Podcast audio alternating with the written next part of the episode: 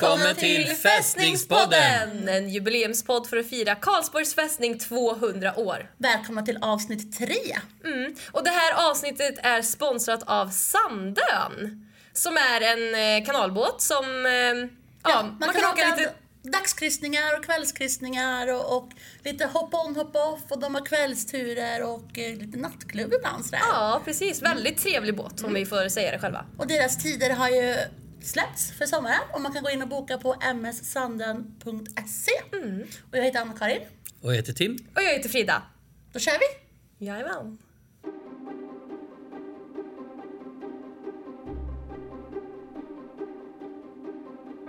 Ett flertal länder tillämpade ett centralförsvar under Napoleonkrigen som avslutades 1815. Tanken var att man skulle locka angriparen djupare in i landet genom att försvararna drog sig tillbaka till en centralt belägen fästning. Ju närmare den centrala fästningen fienden kom, desto mer anfallskraft förlorade de, vilket gjorde att försvararna fick tid till mobilisering och ett starkt motanfall. Däremot innebar det att man släppte in fienden i landet och på så vis utsätter man den civila befolkningen för en större fara. Sveriges befälhavare diskuterade dock aldrig konsekvenserna av detta. Det, det tillsattes en kommitté för att utreda centralförsvarstanken i Sverige. Överstelöjtnant Johan Petter Refreds tankar lyder. Fördelarna med försvarskrig i de inre delarna av landet vilar på det enkla axiomet att krigsoperationernas kraft avtager då operationslinjen tilltager. Den försvarande bör inledningsvis välja motståndarens transporter till mål för sina operationer och sorgfälligt undvika alla avgörande bataljer tills dess fienden hunnit fördjupa sig långt in i landet och hans armé försvagas. Det var många kritiska röster som höjdes mot centralförsvarsplanen. Framförallt att vår huvudstad Stockholm skulle lämnas utan strid. Anders Johan Johansson Färm sätter sig ner vid frukostbordet hemma hos hans hyresvärdar herr och fru Sten. Han kan inte sluta tänka på gårdagens jobbiga nyheter som han egentligen inte ska veta något om. Att en fästning planeras att byggas vid nuvarande Gräshultsby vilket betyder att alla hans nyfunna vänner och grannar måste lämna Gräshult när hans general, Per Södermark, fått sin order om det från kronan. Klumpen i magen växer under hela frukosten och när fru Sten till slut frågar vad som bekymrar honom kan han inte längre hålla det inom sig. Han berättar om sitt senaste uppdrag, att han i smyg öppnade brevet som skulle levereras till Per Södermark och vad som stod i det. Under hela tiden som han berättar vågar han inte titta upp på sina hyresvärdar. När han till slut har berättat allt tittar han upp på herr och fru Sten och möts av förtvivlan och ilska. Herr Sten ställer sig upp och ryker till mot Anders. Hur kan du som kurir göra en sådan obarmhärtig illgärning? Kronan är det som skyddar oss, som ser till att vi kommer gå starka ur ett krig. Det är ett allvarligt brott mot ditt fosterland. Således ett brott mot dina medmänniskor och svenska statens medborgare. Har du ingen skam i kroppen pojk? Några veckor har nu gått sedan Anders berättade om brevet för sina hyresvärdar. Han har knappt kunnat sova, äta eller fokusera på någonting sedan dess. Han var inte beredd på en sådan stark reaktion från herr och fru Sten vilket gjorde honom illa till mods. Han trodde att hans handling skulle förlåtas i och med hans upptäckt. Det måste finnas någon som känner lika mycket för Gräshultsby som Anders. Vardagen fortlöper och den 8 juli 1818 beger sig kurir Anders Johan Johansson Färm av mot ännu ett uppdrag åt Per Södermark. Ytterligare ett brev från Frank Sparre ska levereras. Är detta arbetsorden tro? Ritten går förvånansvärt bra och än en gång sitter Anders på stubben i skogen med brevet i handen. Med skakiga händer tar han återigen bort sigillet, öppnar brevet och läser. Paragraf 1. Förrättningen måste börjas med inköpande av terrängen som nu tillhör privata och lärer konungens befallningshavande ut i Skaraborgs län erhållit konungens nådiga befallning om verkställigheten härav. Och nu anser jag icke lämpligt att någon mätning på stället företages som för ägarna skulle yppa planen och troligen öka priset för kronan förrän underhandlingen av köpet är avgjord eller åtminstone börjad. Kungen vill alltså köpa Gräshults by och tänker inte betala priset som marken är värd. Detta blir droppen för kurir Anders Johan Johansson Färm som rider hem i iver. Nu har han bestämt sig för att berätta för resterande Gräshultsbybor. Han påbörjar sitt skvallertåg i Underbacken och fortsätter sedan till Pukagården, Ödegården och Kapellgården. Han märker att reaktionerna inte alls är detsamma som hos herr och fru Sten. De visar istället tacksamhet och ser Anders vilja att bevara Gräshult. Kurir Färm vaknar av att någon bankar på dörren. Han sveper filten om sig, öppnar dörren tyst på glänt och spetsar öronen. Det är storbonden som öppnar och han hör hur en manlig röst presenterar sig som sergeant Adolfsson. Kasper Ehrenborg från landshövdingeämbetet önskar härmed få nyttja Haragården den 16 juli för sammanträde med Gräshults samtliga gårdar. Självfallet, vad gäller saken?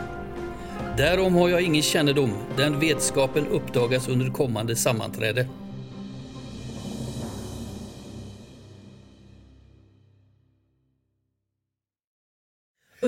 Kommande sammanträden. Det blir spännande att se vad detta sammanträde ska handla om i nästa avsnitt. Ja, verkligen.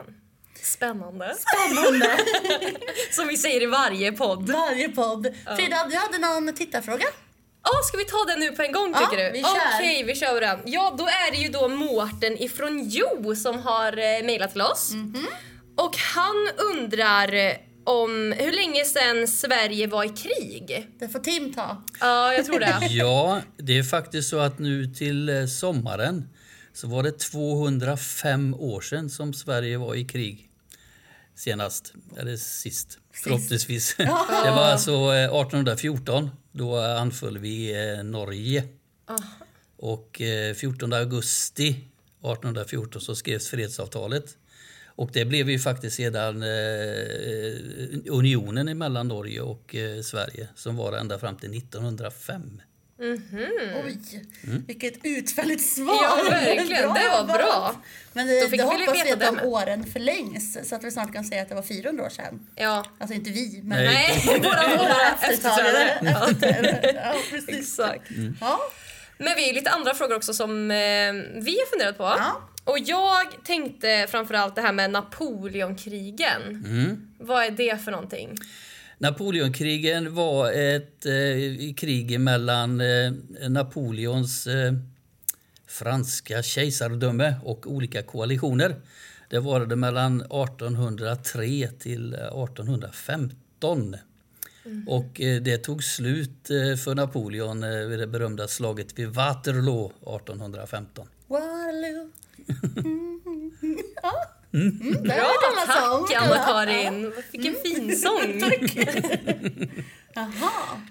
Det är det som är Napoleonkrigen. För namnet Napoleon känner man ändå igen lite. Från andra sammanhang, Mm. eller? Jag har hört det förut i alla fall. Det är nog för du har hört det i skolan. det är nog. Jag vet inte. Jag vet inte. Kejsar Napoleon. Kejsaren. Ja, ah, just det. Mm. Men du, jag undrar vad mobilisering är? Ja, om en stat mobiliserar så innebär det att man eh, omorganiserar eh, samhället eh, och förbereder sig för krig. Och eh, det är ju en ganska stor apparat som då påverkar hela samhället. Jag kan säga, exempelvis om man har gjort värnplikten i nutid eh, så är man oftast krigsplacerad. Och då vid en mobilisering så ska man då inställa sig på en speciell plats.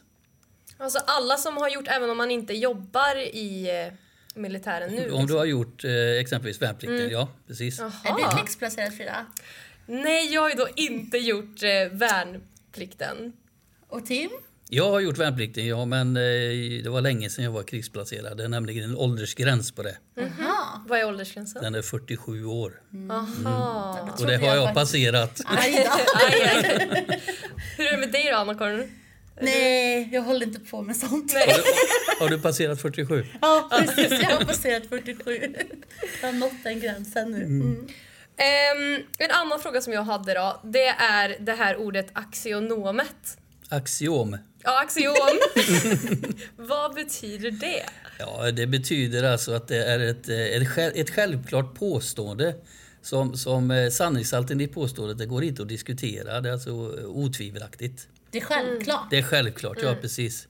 Vi hade ju det i texten här. eh, Ja, Om, för de eh, säger att, att krigsoperationernas kraft avtager då operationslinjen tilltager. Och det är alltså en självklarhet. Det är en då. självklarhet. Alltså, ju längre fienden måste hålla på och jobba sig in i landet så tär det ju på soldater och moral. Och det tär ju på material och förnödenheter. Så fienden är ju försvagad när han når fram till de här centrala fästningarna då som beskrivs. Det innebär alltså att tanken var att folk skulle ta sig från Stockholm till Karlsborg och på vägen dit så skulle de liksom tappa soldater och energi. Ja, och förnödenheter och materiell. För det blir en extra lång väg? Eller? Ja, de blir försvagade. Armén blir försvagad helt enkelt under, eh, ju längre resan är om man Ja, säger precis. så. Ja. Men det är många civila som man liksom marscherar igenom då. Det påverkar ju jätte, en jättelång sträcka. Mm. Alltså jag menar i Stockholm till Karlsborg så ska man gå, det är flera, Mm. det är jättelångt. Eller? Ja, det är, Jag tycker Ja, inte gå det är den sträckan. jättelångt. Om Jag man ska abs- gå. Jag hade Ja. absolut blivit försvagad. Ja, Ja, men precis. verkligen. Ja, jösses. Så det är alltså själva tanken med centralförsvar. Det är ju lite kul att få reda på det. Ja, verkligen. Precis. Intressant. Intressant. Ja. Spännande. Det är spännande. ja. och ännu mer spännande är det vad som händer i nästa avsnitt. Vad det är Ja. för sammanträde på Haragården. Ja, det ser jag fram emot att veta. Eh, och nästa avsnitt släpps ju i januari, februari, mars, april. ja, så då hörs vi i april igen. Ja. Kanon. Ha det så länge. bra. Hej då. Men vänt, vänta nu, glömde ni inte någonting? Jo! Sandön såklart! Ni får inte glömma av att gå in och boka. Nej, precis. mssandon.se. Där finns alla turer uppe för sommaren 2019. Jajamän, hoppa on, hoppa off, partybåt, whatever. See you there. Hej då.